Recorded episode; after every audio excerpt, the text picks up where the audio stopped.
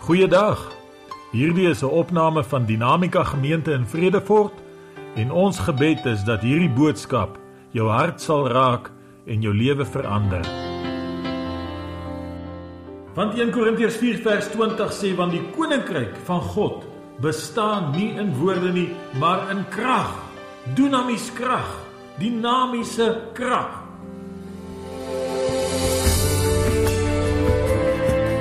Luister na die woorde van die profeet. Kyk wat sê hy: "So sal my woord wees wat uit my mond uitgaan spreek die Here. Dit sal nie leeg na my terugkeer nie, maar doen wat my behaag en voorspoedig wees in alles waartoe dit stuur."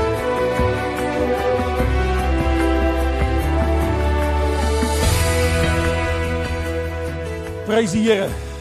Prys die Here. Kom ons maak oop by Hebreërs hoofstuk 11 vers 6. En dan gaan ons volgens saam lees wat die woord van die Here sê. Ons is besig om te gesels oor geloof. Die Here Jesus het op 'n dag gekom buite op die strate. Jy weet party mense dink mos daar gebeur net wonderwerke hier binne in die kerk. Jesus se wonderwerke 9 meer as 90% was buite in die strate van die dorpe waar hy was. En buite op hierdie strate toe kom daar 'n vader met 'n kind. En hierdie kind is beset deur 'n stomme gees. En hy weet nie om van hom ontslae te raak nie. Ons lees die hele verhaal daar Matteus 17. Hy kom die disippels van Jesus te en die disippels sê ons kan help. Jesus het ons opgelei. En hulle probeer die demoon uitdryf soos wat Jesus hulle gewys het hoe en hulle is nie suksesvol nie. En Jesus kom en hy sê o ongelowige en verdraaide geslag. As jy geloof het soos 'n mosterdsaad, En voor hierdie reeks verby is, gaan ons nog elkeen 'n mosterdsaadjie kry. Dis nou tyd vir tuinmaak, is nou tyd vir bome plant. So kom ons gaan 'n bietjie ek gaan vir julle mosterdsaad bring. Ons gaan hom plant en ons gaan fisies sien hoe Jesus gesê het hoe werk geloof. Maar in 'n geval Jesus kom en hy sê bring hom hier na my toe. En terwyl hy besig is om te manifesteer, die die woord sê die demoon gooi die kind op die grond neer. Daar kom skyn by sy mond uit. Die Vader sê vandat hy klein is het dit gebeur. Hy dikwels in die vuur geval en dikwels in die water want jy sien die duiwel het een doel voor oë en dit is om my en jou lewe te vernietig. God het een doel voor oë en dis om my en jou 'n lewe van oorvloed en oorwinning te gee. God en die God en die duiwel werk nooit op geen veld saam nie. En Jesus praat met die Vader terwyl hierdie manifestasie aan die gang is hier op die grond en hierdie verskriklike ding. Ek dink net hoe hoe hoe angswekkend is dit om jou kind te sien lê op die grond, skyn in die mond, styptrekkings, kake wat klem op mekaar, iets verskriklik. En te midde van dit kom Jesus en hy praat eers met die pa. En hy sê vir hom, "Hoe lank is dit wat dit al so gaan?" Hy sê van kleins af. "Maar as jy kan iets kan doen, help my." En Jesus sê, "Wat dit betref, as jy kan glo." Halleluja. Die Vader kom, hy gooi die bal in Jesus se hande. Hy sê as u iets kan doen, As u iets kan doen, help ons. Jesus sê dit hang van jou af. As jy kan glo, alle dinge is moontlik vir die een wat glo. Prys die naam van die Here. Jy kan dit gelees aan Markus hoofstuk 9. Laasweek het ons gesels oor geloof gaan verby dood. Dood is nie die afsnypunt van geloof nie. Lazarus was reeds dood. Jesus het gesê hy sal nie sterf nie en selfs al het hy gesterf het Jesus gesê ek weier om dit te aanvaar. Hy kom terug. Die stem van geloof gaan verby dood, verby die afsnypunt, verby die deadline. Verby die plek waar niemand jou meer kan help nie, verby die plek waar die bank die streep trek, verby die plek waar die dokters die streep trek, geloof gaan daar verby. En hy bring jou terug na dit wat God vir jou gesê het. Kom ons gaan volgende oopmaak by Hebreërs hoofstuk 11. En dit wat ons vandag oor gaan gesels, Ons ons gaan bietjie teruggaan na die oorsake van dinge in ons lewens. Jy sien ons het ons het laasweek ook so 'n bietjie daaraan geraak of mekaar gesê dat daar's goeters wat ons verkeerd dink. As ek verkeerd dink, glo ek verkeerd. En Jesus sê as jy geloof het soos 'n mosterdsaad, sal jy vir die berg sê gaan weg hiervandaan daarna toe en niks sal vir jou onmoontlik wees nie. Maar dan kom hy ook in Markus En hy selfe verhaal vertel daar en hy gee ons 'n bietjie meer detail. Jesus sê as jy met jou hele hart glo en nie twyfel nie. Nou ongelukkig wanneer ons verkeerd dink, waar 'n twyfel? Hy sit op dieselfde plek waar geloof sit. In ons gedagtes. Geloof is 'n vaste besluit. Die woord sê in Hebreërs 11 vers 1, dis 'n vaste vertroue. 'n Vaste geloof in die dinge wat ons nie sien nie. Die dinge wat ons weet. In Hebreërs 11 vers 6 kom Paulus hy skryf daai sê en sonder geloof is dit onmoontlik om God te behaag. Ek wil vir julle sê as jy geen geloof het nie, kan jy niks van God verwag nie. Daar's mense daar buite wat dink ek hoef niks te glo nie. God sal alles doen. God sal outomaties alles laat reg uitwerk. As God alles outomaties laat reg uitwerk, het sou daar nie in hierdie wêreld soveel gebrokenheid gewees het nie. Hierdie wêreld is in gebrokenheid gedompel die dag toe sonde in die wêreld gekom het. Die woord sê deur sonde het die vernietiging ingekom. Deur sonde het die agteruitgang gekom. Deur sonde is die eerste beginsels van hierdie wêreld in plek gesit. Maar God het 'n plan gemaak en hy het gesê in Jesus Christus sal daar uitkoms wees. In hom sal daar redding wees. Deur sy bloed wat vir ons gestort word, sal ons kan oorwin. Prys die Here. Hy sê maar dis sonder geloof is dit onmoontlik om God te behaag, want hy wat tot God gaan, moet glo dat hy is en 'n beloner is van die wat hom soek. So ons moet geloof hê. Maar daar's dinge in ons lewens wat insluip wat geloof aftrek, wat geloof van ons af wegneem, wat ons van ons geloof beroof. En baie keer daarvan is die die dinge wat ons verkeerd verstaan. Ek gaan volgende 'n paar van hierdie dinge aanraak en mag die Here dit vir ons oopmaak sodat ons dit mooi gaan verstaan. Ons het so 'n paar weke terug het ons by Job uitgekom. En Job se verhaal het ons gesien dat baie mense reken dat God het Satan toegelaat om te doen by Job wat hy wil. En daar's dalk 'n mate van waarheid daarin, maar ek wil vir julle sê die groot oorsaak van wat met Job gebeur het was nie God nie. Die probleem wat in Job se lewe ontstaan het, is dat vrees ingekom het.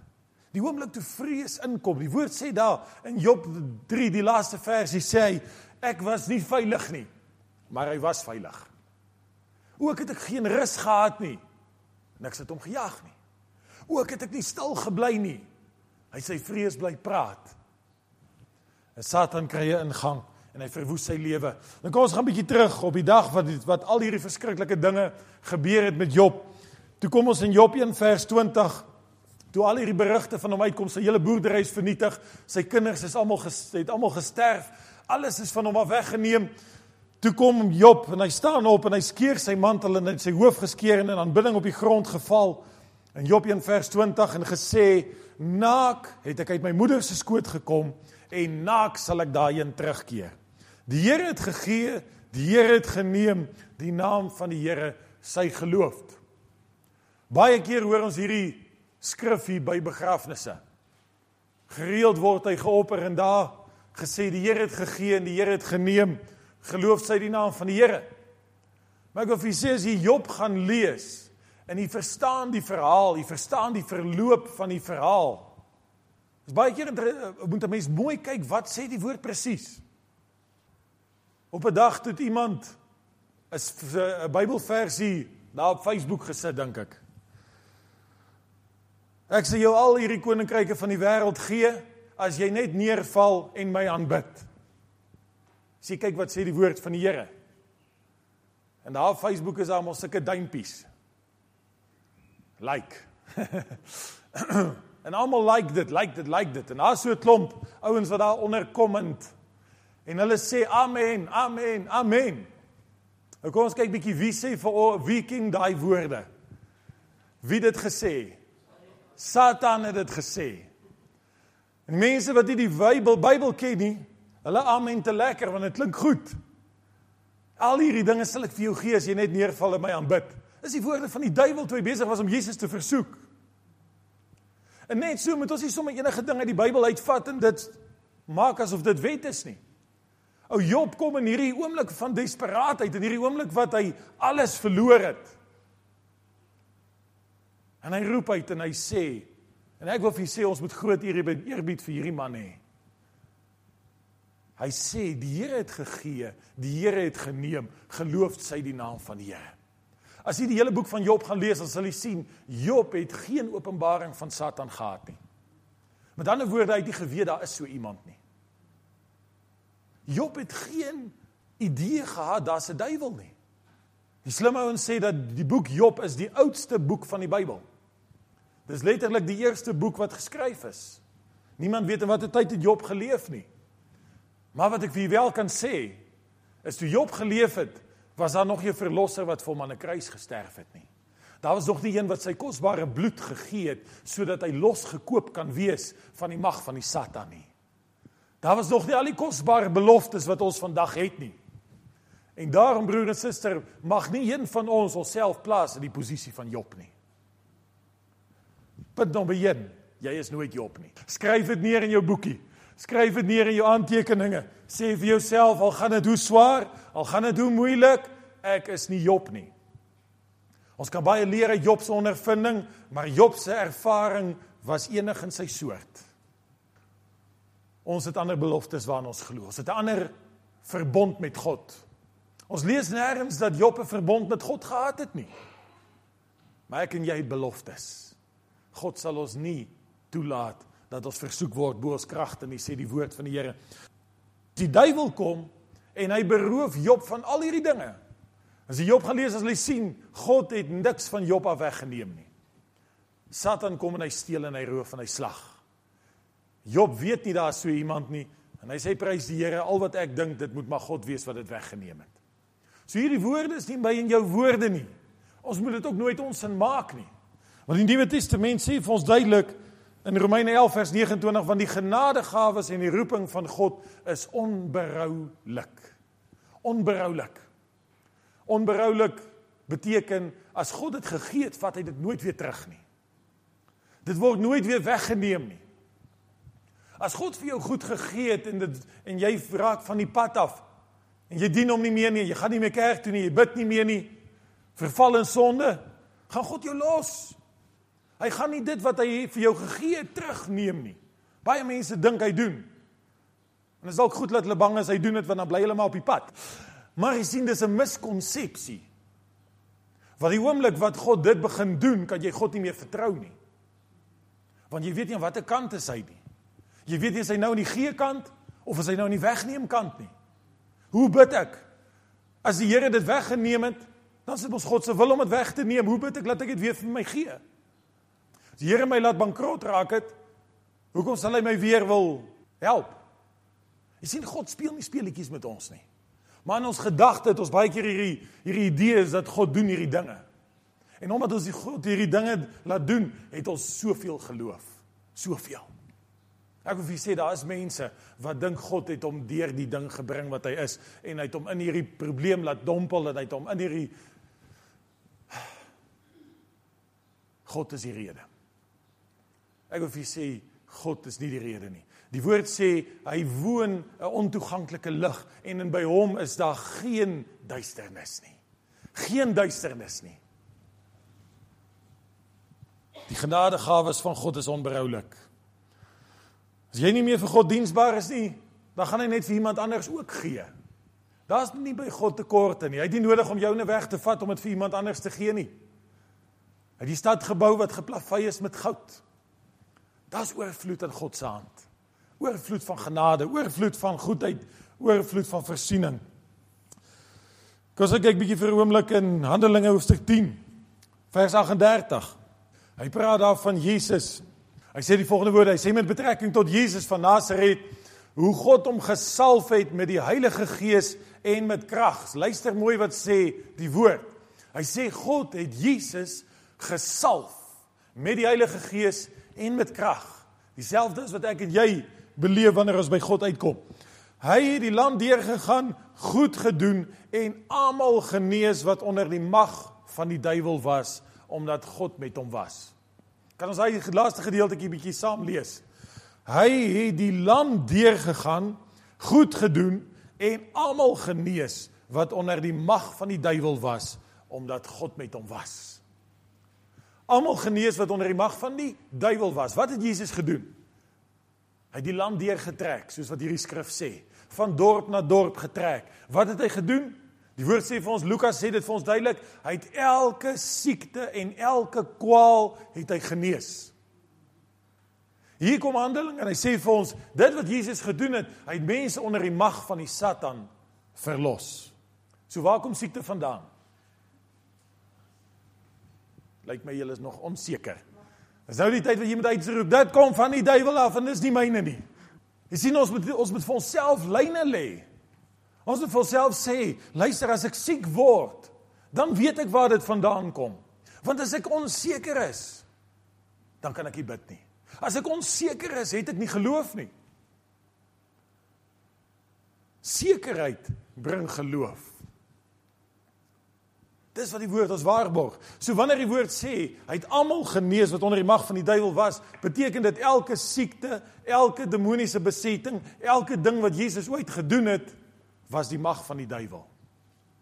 God en Satan speel nie aan dieselfde kant van die veld nie. God en Jesus Christus en die Heilige Gees is daar om te genees, te verlos, te bevry. Satan is daar om siek te maak, te onderdruk, te vernietig, te steel, te roof en te slag sê Jesus in Johannes 10. So dis duidelik om te identifiseer, maar jy sien as ons nie vir onsself die lyne lê nie, dan weet ons nie watter kant staan God nie. Prys die Here. Prys die Here vir sy woord, prys die Here vir die waarheid daarvan. 3 Johannes vers 2. Kyk wat sê die woord daar. Geliefde, ek wens dat dit met jou in alles goed mag gaan en dat jy gesond is soos dit met jou siel goed gaan. Met 'n kind van die Here gaan dit altyd met sy siel goed. Maar jy sien ons het baie keer stryd want daar kom dinge in ons liggaam. Daar kom goeters. Ek sê altyd as ek kyk na die beeste in die veld of waar 'n goeie bees is of 'n slegte bees. Hy koei kan 'n goeie ma wees of 'n slegte ma, as hy daar in die veld loop, tel sy bosluise op. Dis ongelukkig so. Ons loop in hierdie wêreld wat gevalle is met al sy probleme, met al sy dinge en ons tel goed op sonder dat ons dit verdien. Want jy sien baie keer gaan soek ons na die rede. En daar kan 'n rede wees, maar baie keer is daar glad nie 'n rede nie. Ons gaan dit nou sien uit die woord uit. Daar's baie keer 'n siekte wat oor jou kom sonder dat daar enige rede voor is. Jy het niks verkeerd gedoen nie. Dit was dieselfde met Job. Job het absoluut niks verkeerd gedoen nie. God het vir Satan gesê toe die die gesprek in die hemel was, toe sê God vir Satan: "Sien jy my knegg Job? Hy's vroom, hy's opreg in die hele land is daar niemand soos hy nie. Daar's niemand soos hy nie. So wat het Job verkeerd gedoen? Hy het niks gesondig nie. Al wat hy toegelaat het, is hy 'n opening gemaak in die muur waar God hom beskerm het deur vrees en Satan het ingeklim. Job het dit nie verdien nie. En ek wil vir jou sê broer en suster, jy wat kind van God is, jy verdien nie verkeerde goed wat oor jou pad kom nie. Jy verdien dit nie. En omdat jy dit nie verdien nie, hoef jy dit nie te vat nie. As agteruit gaan gaan, dis nie God se wil nie. As dinge verkeerd gaan, dis nie God se wil nie. En dan vra ons mekaar, wat doen ons dan daaraan? Ons gaan ek sê ek, ek begin reeds so my gees ervaar. Die Here gaan hierdie reeks so inrol daarin in Paulus se Timoteus se gesprek waar hulle waar Paulus vir Timoteus sê stry die goeie stryd van geloof. Prys die Here. Weet jy wat is die stryd wat ek en jy moet stry? Ons moenie stry teen die duiwel nie. Jesus het klaar gestry teen die duiwel, hy het hom klaar oorwin, hy het hom klaar verpletter, hy het klaar sy mag weggestroop. Wat ek en jy moet stry is teen die ongeloof wat hier binne wil broei. Dit is die goeie stryd van geloof. Wanneer daai wanneer daai verkeerde ding op my pad kom om nie te sê, "O, God, wat doen ek nou? Wat is God mee besig? Hoekom straf die Here my? Wat doen ek nie?" Maar om te sê, "Here, dankie dat U my geloof gegee het in my hart. Dankie dat ek die naam van Jesus Christus het waarmee ek elke gebed kan verseël. Dankie dat ek in opstand kan kom deur geloof teen dit wat ek identifiseer as die werk van Satan." En so stry ons die stryd. So kry ons die oorwinning. Johannes skryf. Johannes is een van die wonderlikste apostels. Ek weet nie hoe oud was hy toe hy hierdie brief geskryf het nie. Hy was 92 toe hy die tweede brief geskryf het. So hy was nog ouer. En hy skryf en hy sê geliefde, ek wens dat dit met jou ek wens dat dit met jou in alles goed mag gaan. So wat is uitgesluit daarbey? Niks. God sê dat dit met jou en alles goed mag gaan. Dis God se wil. As jy ooit God se wil vir jou lewensloop wil hê, hier's dit. En dat jy gesond is. Is siekte God se wil? Nee. Kom daar siekte oor my pad? Ja. Wat doen ek daarmee? Ek veg dit in geloof. Ek gebruik daai mosterdsaad wat God in my hart gegee het. Ek spreek tot die berg en ek sê vir hom: Jy word opgewerp, val in die see, jy's nie welkom in my lewe nie. Maar baie keer gaan lê ons daar in die bed sit die koorspen in en kyk hoe hoog kan hy gaan dat ons almal kan WhatsApp en sê kyk wat trek hy nou. Jesus sê o ongelowige en verdraaide geslag. Ons is besig om volgende goed reg te draai. Ons is volgende besig om dinge in in lyn te kry met hoe God wil hê ek moet glo. En ons hierdie goed ernstig vat, ons moet dit oor en oor vir onsself sê. Want die wêreld daar buite wil jou anders programmeer. Die media wil vir jou dit anders om verduidelik. Die seepies daar op die televisie wil dit vir jou anders laat voorkom. God se woord en dit stem nie ooreen nie. Dis twee verskillende entiteite. Kyk wat sê die woord 1 Korintiërs hoofstuk 14. Ek lees vir julle in die in die King James vertaling. For God is not the author of confusion. Baie mense sê ek verstaan nie so lekker nie. Ek weet nie, ek is bietjie deurmekaar en wie maak jou deurmekaar? Dis nie God nie. Dis die duiwel wat jou deurmekaar maak, man. Weet dit sou kom baie keer Jesus het nie met sonder rede gesê die die wysheid van hierdie van God is dwaasheid by die wêreld nie. Want baie keer is dit makliker of beter om 'n een eenvoudige mens te wees wat nie baie kan redeneer en baie kan wonder en baie kan vir jouself probeer goeders uitwerk en dit maak jou deurmekaar. Dis hoekom Jesus gesê het as jy nie soos 'n kindjie word nie, sal jy die koninkryk van die hemel sien nie. Man is so lekker hierdie twee kinders van my. Ek het hulle enige ding vertel. Hulle vat dit net daar. Dis die waarheid. Dis klaar. Pa het dit gesê. Ons sit geen vraagteken daar agter nie. Dit gaan gebeur.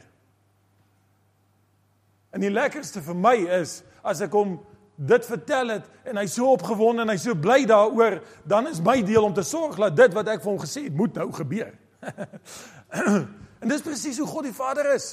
God die Vader wag dat jy glo dis wat hy gaan doen. En want sy woord sê dit. Hy het dit vir jou klaar verklaar. En dan is jy opgewonde en jy's bly. Jy vat dit in geloof. Jy bely dit. Deuteronomium 28 sê die woord luister o Israel. Die Here julle God is een God. Ekskuus dis nie 28 hier is 'n ander hoofstuk. Maar hy sê dit Deuteronomium ek dink is 33 luister o Israel. Die Here julle God is een God. Daai Hebreëse woord wat sê een beteken dat wat hy sê en wat hy doen is een en dieselfde ding God sê nie vir jou een ding en hy doen iets anders nie.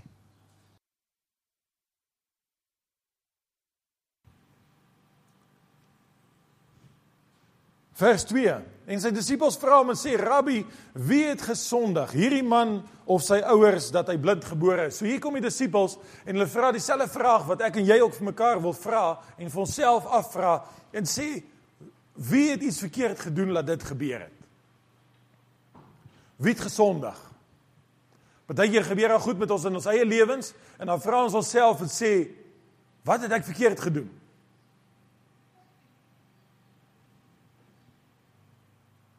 Jesus se disippels kom, gewone mense, dink soos ek en jy, hulle kom na Jesus toe, wie het gesondig? Hierdie man of sy ouers? Hulle het hulle het dit vir hulle 'n bietjie ge uh nouer gemaak tot op die plek waar hulle besluit het okay dit moet of hy wees maar dit maak dit bietjie moeilik want Hy is so gebore. So wat het hy verkeerd gedoen voor hy gebore is? OK, kom ons sê dis die ouers. OK, dis die ouers, maar as dit die ouers is, hoekom word hulle nie blind nie? Hoekom is die arme kind dan? Wie se skuld is dit? Ons weet iemand het gesondig, want hierdie is 'n straf. Ons het dit uitgemaak. Dis hoe dit is.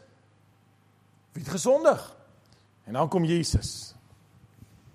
En Jesus antwoord: Hy het nie gesondig nie en sy ouers ook nie. Hy het nie gesondig nie, sy ouers ook nie.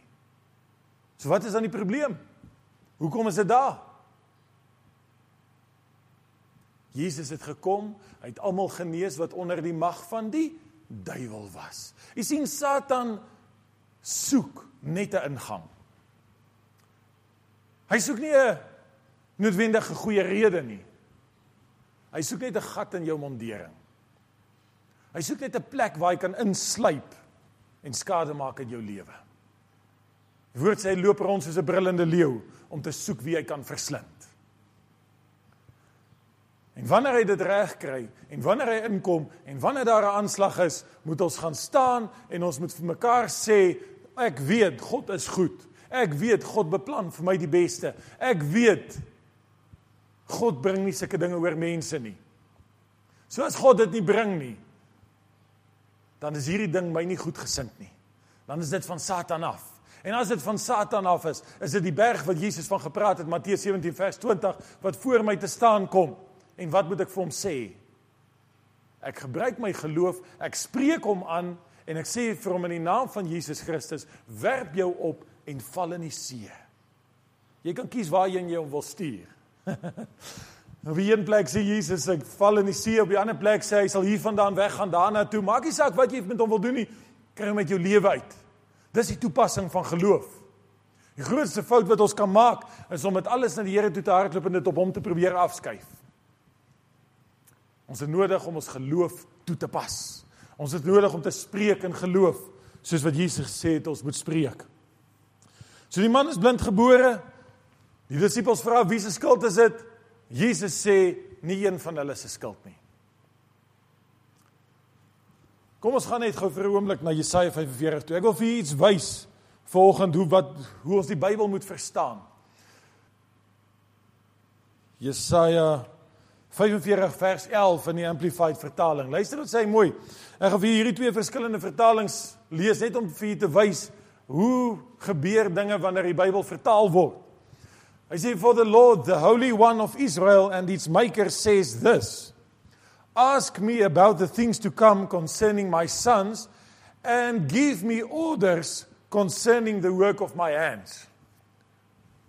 Hoor lê hoor mooi wat sê die amplified vertaling, Jesaja 45 vers 11.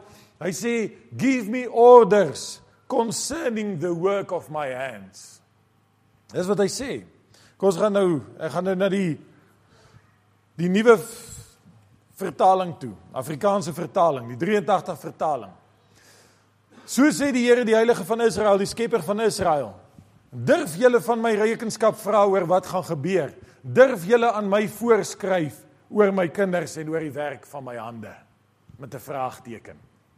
So kyk hierso, ons het twee vertalings. Dis dieselfde vers. Amplified vertaling sê give me orders. Die Afrikaanse vertaling sê hoe durf jy my voorskryf? sien jy die verskil? Wat het gebeur? Die woord is oorspronklik geskryf in Grieks en in Hebreëus. En daar's maar bitter min leestekens. Inteendeel dink ek Hebreëus het net 'n punt. Dis al wat ek kan onthou wat hy gehad het. Daar's geen ander leestekens nie. So wanneer vra God 'n vraag en wanneer sê hy dit is hoe dit is? Die amplified vertaling het niks verkeerd vertaal nie. Hy het gesê give me orders. Hy het dit die vraagteken agterna gesit nie. Will you give me orders? Nuwe vertaling sê, durf jy dit om my voor te skryf? So jy sien, ons moet mooi gaan kyk wanneer ons die Bybel lees. Daar's baie keer 'n leesteken wat 'n hele sin verander en dieselfde gebeur wanneer ons kom hier in Johannes 9 vers 3. Jesus antwoord, hy het nie gesondig nie, sy ouers ook nie. En daar moet eintlik 'n punt wees. Dis al wat Jesus daaroor te sê gehad het. Jesus het eintlik by implikasie gesê, daar's geen rede hoekom dit gebeur het. Maar dis nie wat dit bly nie. Jesus sê die werke van God moet in hom geopenbaar word. Dis Jesus se antwoord. So Jesus sê al al is daar niemand wat 'n rede voor is nie. Jesus het self nie eens gesê die Satan is die rede nie. Hy sê maar so bly gaan hy nie so bly nie. Die werke van God moet in hom geopenbaar word. Die werke van God moet te voorskyn kom. Hy sal genees wees want dit is wat ek gekom het om te doen. Kyk wat sê in die volgende versie. Ek moet die werke doen van hom wat my gestuur het, solank as dit dag is. Jesus kry 'n kind wat van geboorte af verblind is, 'n man wat van geboorte af blind is. As jy daai verhaal gaan lees, dan sal jy sien Jesus het klei aangemaak, in sy oë ingesmeer. Die ouens wat die Bybel fyn ontleed sê hulle reken dat hierdie man het glad nie oë in sy oogkaste gehad nie. Jesus het van die stof van die aarde gemaak, sy spuug daarmee gemeng, dit in sy oë ingewerk en vir hom oë geformeer soos wat ek en jy ook uit die stof van die aarde uit geformeer is. Hy sê dit is die werke wat God doen. Hy sê hy sal nie so bly nie. Daar was 'n vrou op 'n dag by die sinagoge, sy was vir 18 jaar in mekaar getrek, sê die woord. En Jesus kom en hy raak haar aan en hy bestraf die gees wat haar aan mekaar trek. Het jy geweet 'n gees kan jou in mekaar trek? Die dokter gaan nie daai bevinding kry nie. Die Bybel gaan hom kry. As ons mooi kyk, wat sê God se woord? Dit is waar volgens ons lewe. Dis waar volgens ons geloof bepaal. En Jesus se woorde aan die Fariseërs was: "Moes hierdie dogter van Abraham, wat reeds vir 18 jaar gebind is van die Sat deur die Satan, nie op hierdie dag verlos word nie." Jesus wil verlos. Hy wil bevry. Hy wil dit meer graag doen as wat ek en jy dit wil laat gebeur. So ons moet reg verstaan wat die woord sê. Met ander woorde, daar kan goed met jou en my gebeur wat nie jou ouers se skuld is nie. Dis nie jou skuld nie. Dis niemand se skuld nie. Dit is hierdie ou gefalle wêreld waarin ons lewe. En as ons dit verstaan, dan kan ons ons geloof beter toepas. Want ons weet dis nie God se skuld nie, dis nie my skuld nie. Daar's een wat gekom het om te vernietig en te verwoes en dis sy skuld. Prys die Here. Kom ons gaan so 'n bietjie verder. Ek wil net 'n paar dinge noem wat die krag van God verhinder. Het jy geweet dat die krag van God kan verhinder word? As ons gaan kyk na die, al die gelykenisse wat Jesus vertel het, daar's baie goed wat Jesus gebruik om sekere dinge mee te vergelyk. En wanneer ons kyk na geloof, dan vergelyk Jesus dit elke keer met saad en met groei. Hy sê swak geloof, sterk geloof. Met ander woorde, dit is so spiermassa. Wanneer plek praat hy dis so saad. Met ander woorde, wanneer my woorde uitgaan, wanneer ek 'n ding gespreek het, dan val die saad in daai grond en hy begin groei. Maar dan kom Jesus op 'n plek en hy gesels oor God se krag. En God se krag word telkens vergelyk aan die begrippe wat ons gebruik om te beskryf die uh, hoe water werk. Wanneer die vrou wat aan bloedvloeiing gely het aan Jesus se kleed raak, dan sê Jesus, "Wie het aan my geraak?" Want ek het gevoel dat daar krag uit my uitvloei. So krag van God vloei. Dit vloei soos water. En dit kan verhinder word. sien as daar bo in Vredefort se opgaar tanks is duisende der duisende liters water. Maar hier buite in die kombuis sit net so 'n groot kraantjie. En as ek hom toe draai, dan kom daar niks uit nie. As ek hy klein kraantjie oop draai, dan gaan daai hele duisende duisende liters daar uitloop as ek dit nie stop nie. En dis dieselfde met God se krag. God se krag is in oormaat beskikbaar, meer as wat ek en jy kan gebruik. Dis hoekom Efesiërs 3 vers 20 sê en aan hom wat mag het om te doen ver bo alles wat ons bid of dink volgens die krag wat in ons werk, aan hom die heerlikheid in die gemeente in Christus Jesus. Hy kan ver doen bo wat ons kan bid of dink. So die opgaar tank is vol. Hoe lyk jou kraan? Hoe lyk dit daar aan jou kant? Is hy oop of is hy toe? Want ons kan God se krag stop. So eenvoudig soos ek draai die kraan toe. As ek dit nie laat vloei nie, kan ek dit stop. En kyk wat sê die woord. In Markus hoofstuk 7, wat is een van die groot dinge wat God se krag stop? So maak julle dan die woord van God kragteloos. Is dit nie eintlik verskriklik om te dink dat dat ons as mens kan God se woord kragteloos maak nie? Ons dink baie keer dan man God is almagtig. Hy is kragtig. Hy kan enigiets doen wat hy wil. Hy kan Maar tog kom Jesus En hy sê hierdie woorde. Hy sê jy kan in jou lewe God se woord wat magtig is om enigiets te doen, kan jy heeltemal kragteloos maak. Deur wat? Tradisie. Hy sê deur julle oorlewering, Oorlewering is niks anders as tradisie nie wat jy bewaar. Dis hoekom ek vanoggend geopen het met jy Jesaja hoofstuk 43 wat sê kyk ek gaan iets nuuts doen. Vergeet van tradisie. Ons praat nie net van kerktradisie nie. Ons praat van ons eie menslike gewoontes. Ons gaan eintlik partykeer na God toe en ons gaan bid. Ons sê Here asseblief doen 'n wonderwerk. Maar dan het ons iets in ons gedagte wat ons wil hê dit is hoe dit moet lyk, dis hoe dit moet wees en enigiets anders te gaan nie werk nie. Ons moet partykeer ons ons gedagtes bietjie oopmaak. Die woord sê die profeet sê span jou tentdoeke wyer. Kry 'n groter verwagting, kry iets meer. Martha en Maria het na Jesus toe gehardloop en gesê: "Ag Here, as iemand net hier was, sou Lazarus nie gesterf het nie." En Jesus sê: "Dink bietjie verby die dood. Dink dat daai 4 dae wat hy in die graf is, is nog niks vir my nie. Ek gaan haal hom en ek bring hom uit." Strek jou geloof. Vat dit wyer. Glo die onmoontlike. God hou van 'n uitdaging. Lukas hoofstuk 8. Ag skus, hier het ek Jesaja 43 weer in. Dink nie aan die vorige dinge nie en slaan geen ag op wat vroeër gebeur het nie. Weet een van jou groot weermag generale het gelê in 'n grot. Sy pelotonnetjie was uitmekaar uitgeskiet deur die vyand. En hy lê daar in hopeloosheid en moedeloosheid en hy weet nie wat om te doen nie en die vyand is hier buite besig om hulle te soek.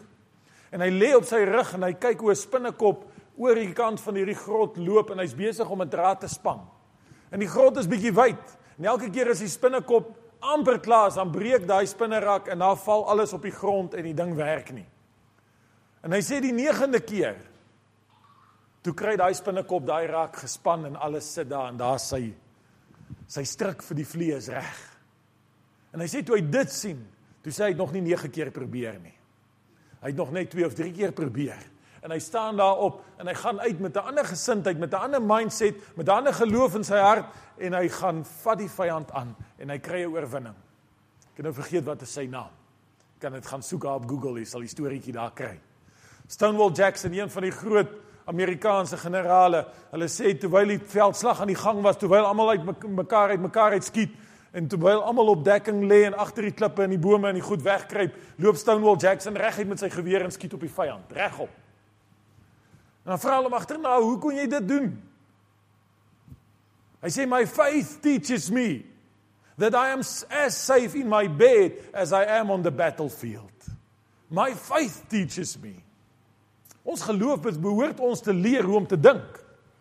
Maar baie keer wil ons denke ons geloof ander goed vertel.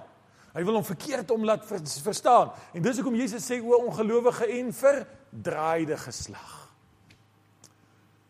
Moenie laat die wêreld jou draai nie. Moenie laat die koerante jou draai nie. Moenie laat die media jou draai nie. Moenie laat Facebook jou draai nie. Laat God se woord jou draai as jy moet gedraai word. Laat God se woord vir jou die enigste standaard wees waar volgens jy lewe, waar volgens jy besluite neem. Dis hoe ons oupas en ons paas en ons almal gelewe het want hulle het net die Bybel gehad. Ons dink ons lewe in 'n beter tyd, ons lewe in 'n moeiliker tyd. Daar's te veel stemme wat praat, daar's te veel invloede, daar's te veel goed wat ons anders wil wys. Jesus sê ek gaan iets nuuts doen. Kom ons gaan ek gaan afsluit. Hierdie is die laaste gedeelte Lukas hoofstuk 8 vers 41. Ons lees die verhaal van Jairus, Jairus se dogtertjie. Hy sien daar kom 'n man wie se naam Jairus was en hy was 'n owerste van die sinagoge. Nou interessant as jy die Bybel geskiedenis ken, sal weet 'n owerste van die sinagoge is 'n leier van 'n sinagoge. Hy was basies die pastoor van die gemeente. En hy sê en hierdie owerste van die gemeente het net een dogter gehad. 12 jaar oud. En om 'n owerste te wees, moet hy al redelik oud wees. Hy kan nie jonk meer wees nie. Hy sê hy val voor die voete van Jesus neer en smeek hom om na sy huis te kom. Want sy enigste dogter van omtrent 12 jaar het op sterwe gelê. So hierdie man kom, hy praat by Jesus en hy sê Here asseblief, my dogter, ek kan sien sy's in haar laaste oomblikke asseblief kom vinnig by my huis uit asseblief, ek smeek u. 'n Goeie man, 'n godsdienstige man, 'n man wat 'n leier is in die in die godsdiens in sy gemeenskap. 10 teen 1 is dit weer eens 'n geval wat dit niemand se skuld is nie. Ou pastoor Skuman wat jare terug hier was, my ouma het my vertel. Hy het gesê suster van Biljon, vermy die plekke waar die plaag val. As jy 'n sondaar is en jy bevind jou op plekke waar daar moeilikheid is, dan is dit iets heeltemal anders. Dan kry jy die slaaf wat na jou kant toe kom. Maar as jy 'n pad saam met die Here stap, as jy God met 'n rein gewete dien, nou kom verkeerde dinge oor jou pad, moenie vra vra nie, weet wie dit wat teen jou lewe staan. Weet wie dit wat jou lewe beleer. Satan. En as jy niks gaan sê nie, gaan hy aanhou.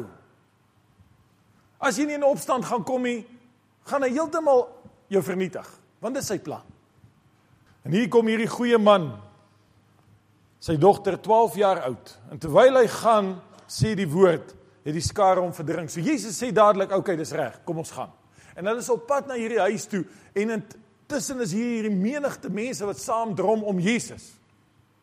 En ek kan net dink hierdie man se frustrasie want ek dink hy het in sy dogter se oë gesien daar's nie meer tyd nie. En uit die skare uit kom daar 'n vrou. En hierdie vrou kom sy 12 jaar lank 'n bloedvloeiing gelei. Sy het al haar geld aan dokters uitgegee en sy kom van agter af en sy dring na Jesus toe. Maar ek kon nie volgens by haar stil staan nie. Ek wil vir sê wat het in 'n vader hart aangegaan? Terwyl hierdie vrou kom, sy raak aan die kleed van Jesus en onmiddellik gaan staan Jesus. En hy vra rondom wie het aan my geraak? En na 'n rukkie gevra toe sê die disippels: "Here, maar hier's hoop mense wat aan jou raak. Hier's hoop mense wat aan U raak. Kyk hoe verdring die skarie." Hy sê iemand het aan my geraak want daar het krag uit my uitgevloei. So wat sê Jesus by implikasie? Iemand met geloof het aan my geraak. Iemand wat 'n oop kraan gehad het, het aan my geraak, want toe daai kraan by my ingevoeg word, toe vloei die krag deur. Prys die Here. sien jy wat nodig is? Daar was mense in Jesus se dag, dis eintlik verstommend om te dink hulle het aan die koning van die konings, die Here van die leerskare, die mees gesalfde seun van God, het hulle fisies geraak en dat niks gebeur nie. Want hoekom? Daar was geen geloof in hulle harte nie. Of hulle het net met geen geloof na hom toe gegaan nie. Hulle het niks verwagting gehad nie. Hulle het niks van hom gevra nie. Hulle het aan hom geraak, niks het gebeur nie. Maar die vrou wat in geloof gegaan het, wat heeltyd gesê het, Here, as ek net aan sy kleed kan raak, as ek net aan sy kleed kan raak, dan sal ek verlos wees. Daar het 'n wonderwerk gebeur. Maar kom ons kom terug by die Vader in hierdie besigheid toe die toe die skare saam drom en en hierdie vrou met haar bloedvloeiing en Jesus wat met haar gesels en vas sê jou geloof het jou gered en al hierdie deurmekaarheid toe kom daar 'n boodskapper aan. En die boodskapper sê vir Jairus moenie langer die meester lastig val nie. Jou dogter het reeds gesterf. Dis te laat. En ek dink daai pa, ek, ek ek weet nie wat die emosie nie. Dalk het hy, dalk was hy kwaad. Dalk het hy gesê, man, hierdie vervlakste vrou, kyk nou hier, hier sy tyd gemors. Ons kon lankal daar gewees het. Dis net in die volgende straat. As Jesus net daar kon sy hand opgelê het, dan was dit nie nou te laat nie. Of hy dalk opgebreek in trane en in hartseer en wat? Ek weet nie. Maar weet jy wat vir my wonderlik is? Die wonderlike is voordat ek dink daar nog 'n emosie kon vat aan hom, het Jesus gekom. En Jesus sê 'n woord. Paar verse verder. Terwyl hy nog spreek, kom daar iemand van die owerste van die sinagoge se huis en sê vir hom: "U dogter is dood. Moenie die meester verder lastig val nie." Klink vir my so baie na die duiwelse stem. Moenie vir God pla verder nie. Dit is te laat gaan nie meer werk nie. Die eindstreep was daar. Maar toe Jesus dit hoor, vers 50, luister mooi wat sê hy. Antwoord hy hom en sê: Moenie vrees nie. Glo net en sy sal gered word. So ek dink voordat hierdie hierdie vader nog kan besluit wat gaan hy nou doen? Wat gaan hy nou voel? Hoe gaan hy nou wees? Toe toe hoor Jesus deur hierdie samedromming van die skare, deur hierdie gesprek met die vrou, hoor sy die stem van twyfel wat aankom wat sê moenie die meester lastig val nie. Moet hom nie verder pla nie. Hy draai hom na hierdie man toe en sê: "Luister. Moenie vrees nie. Moenie vrees nie. Daar's 'n kans, maar vrees moenie hier wees nie." Sien jy wat het ons gesê? Wat kan God se krag verhinder? Die eerste ding is tradisie. Die tweede ding is vrees. Moenie vrees nie. Dis natuurlik om te vrees.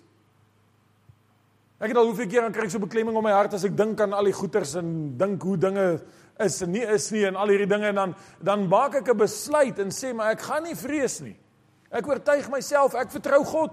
Al is daar geen waarborg nie, al is daar geen uitweg nie. Maak 'n besluit. Moenie vrees nie, glo net en hy sal gered word, sê Jesus. En toe Jesus in die huis kom, het hy niemand toegelaat om in te gaan nie behalwe Petrus en Jakobus en Johannes en die vader en die moeder van die meisie. En almal het gehuil en oor haar rou bedryf. So hier kom Jesus in hierdie huis en die hele familie is daar en die hele sinagoge is daar. Want hierdie man was die pastoor van die gemeente, die rabbi van die of die uh, owerste van die sinagoge en almal huil en ween want dit is te laat. En Jesus kom en hy sê moenie huil nie. Ek hou so van Jesus se manier van dinge doen. Hy sê moenie huil nie. Sy is nie dood nie, sy slaap. Wat het Jesus gedoen? Het Jesus tot sy Vader in die hemel gebid en sê Here, o, oh, hierdie mense, gee hulle tog net 'n idee dat dit net hierdie goed gaan regkom en fix dit net asseblief. Ek weet nie wat nie, ek weet nie hoe nie, maar U sal dit regmaak. Ek weet ek kan dit in U hande los. Dis nie hoe Jesus sy disippels geleer het nie. Ons moet ons verwyder van sulke gebede. Ons moet kragtige gebede bid. Die woord sê eintlik my broeders word kragtig in die Here en in die krag van sy sterkte. As jy gebed bid en 'n ding spreek soos wat Jesus hom gespreek het, gaan jy die resultate sien wat Jesus gespreek het. As jy maar hy sê moenie huil nie, sy is nie dood nie, maar sy slaap.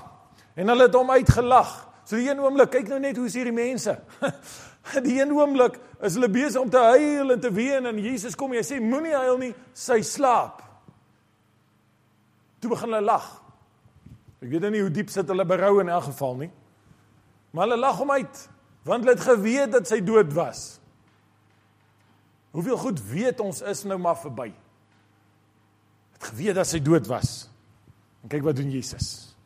En toe hy almal na buite uitgejaag het. Man ek wens ons kon ons kon Jesus sien in aksie. Weet baie keer probeer ons meer nice wees as wat Jesus was. Jesus kom in. Hy kom in hierdie atmosfeer van van eerstens van huil, van hopeloosheid, van ongeloof wat toe omswaai in 'n in 'n atmosfeer van spot en lag en vermaak. En wat doen hy? Hy sê uit is julle. Uit. Dalk het hulle nog gesukkel, nee, ek is die ouma, ek is die tannie, ek is dit, ek is dit. Hy sê uit. Uit is jy. Hy jag almal uit. Daar staan nie uit vir hulle mooi gevra om buitentoe te gaan nie. Toe almal na buite uitgejaag het, gryp hy haar hand en roep uit en sê: "Dogtertjie, staan op." Dis Jesus in aksie. Die woord sê hy gryp haar aan haar hand. Man, ek dink ons het meer vurige mense nodig. Wie wil bietjie meer vurig word? Prys die Here. Ou Petrus en Johannes het by die tempel deur gekom. Hulle het vir daai lamman gesê, "Man, silwer en goud het ons nie, maar dit wat ons het, dit gee ons vir jou." In die naam van Jesus staan op en loop en hulle gryp hom aan die arm en hulle pluk hom regop. Ou Smith Wigglesworth kom by 'n ou wat 'n maagpyn het en hy sê, "Jou Satan uit" en hy slat hom in die vuis in die maag. en die ou val agteroor, maar toe hy opstaan, is die maagpyn weg. Die maagkanker is weg. Jesus gryp aan die arm en hy sê en hy sê, "Dogtertjie, staan op." Jesus was 'n passievolle man gewees. Jesus was 'n man wat kon die stem van geloof laat uitroep het. Wat nie skaam was nie. Wat nie soetsappige gebedjies gebid het nie. En gedink het daar sal krag in wees. Hy's 'n man wat die vuur van God binne in hom gedra het. Die seun van God. Dogtertjie staan op. En haar gees het teruggekom en sy het onmiddellik opgestaan en hy beveel dat hulle iets te eet moet gee. Prys die naam van die Here. Ons het 'n paar goed wat ons moet regdraai vanoggend. Die eerste ding is jy kan nooit Job wees nie. Die Here gee nie en dan vat hy terug nie. God het goeie bedoelings vir jou lewe. Geen slegte bedoelings nie. As iets op jou pad kom wat negatief is, wat sleg is, gaan soek maar in die Satan se kamp. Hy's daarmee besig. God is die God van lig. As daar siekte in jou lewe kom, siekte kom nie van God af nie, nooit nie. Johannes sê, ek wens dat dit met jou en alles goed sal gaan. God is not the author of confusion sê Korintiërs. Die man wat blind gebore is, sê Jesus, hy het nie gesondig nie, sy ouers het ook nie gesondig nie. Dogtertjie van Jairus, niemand het iets fout gedoen nie, maar dat die krag van God beskikbaar mag wees. Mag werk. Mag uiting gee. Daarom raak hy hulle aan in Jesus naam. Kom ons gaan net so sit dan buig ons die hoofde. Vader, ons dank U Here vir hierdie oggend, Here. En hier in Vredefort en op hierdie dag weier ons om lang, langer ongelowig en verdraai te wees. Here, ons wil vir kom bid vanoggend dat U ons denke sal terugdraai na die woord toe.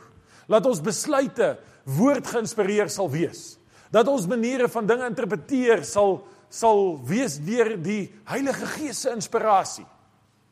Here dat dit wat ons verkeerd dink, dat dit sal verander. Here dat ons nie langer die skuld sal gee vir dit wat verkeerd geloop het in ons lewens nie, vir dit wat ons nie verstaan nie, vir dit wat ons nie weet hoekom dit gebeur nie en laat ons sal ophou om die vrae te vra. Jesus het dit duidelik gemaak as jy nodig dat elke vraag geantwoord moet hê nie.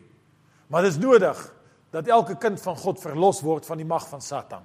Dis nodig dat elke siekte moet uitgedryf word en elke demoon uitgedryf word sodat mense kan vry wees in Jesus naam.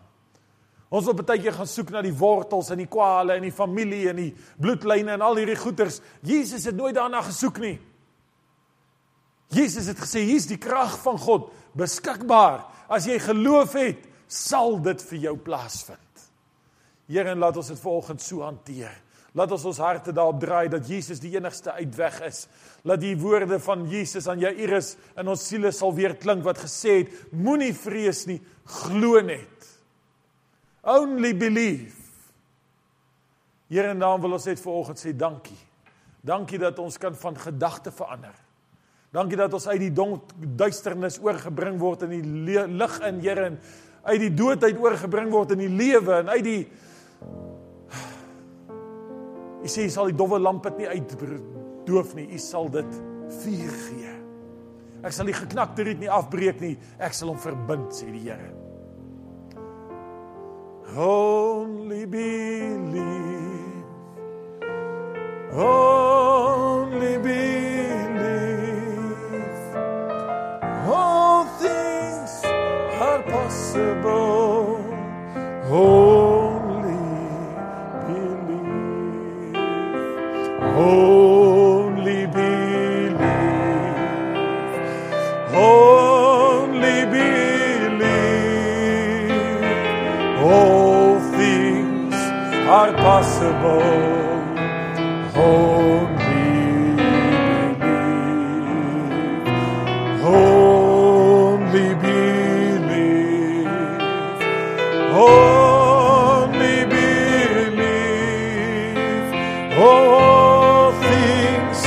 are possible.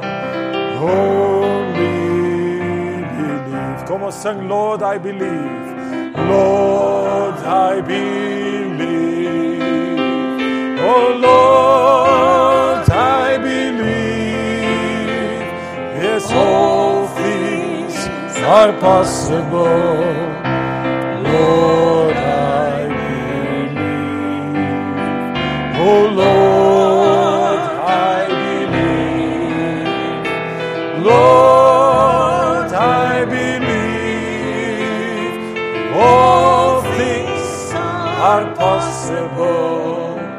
Lord, I believe.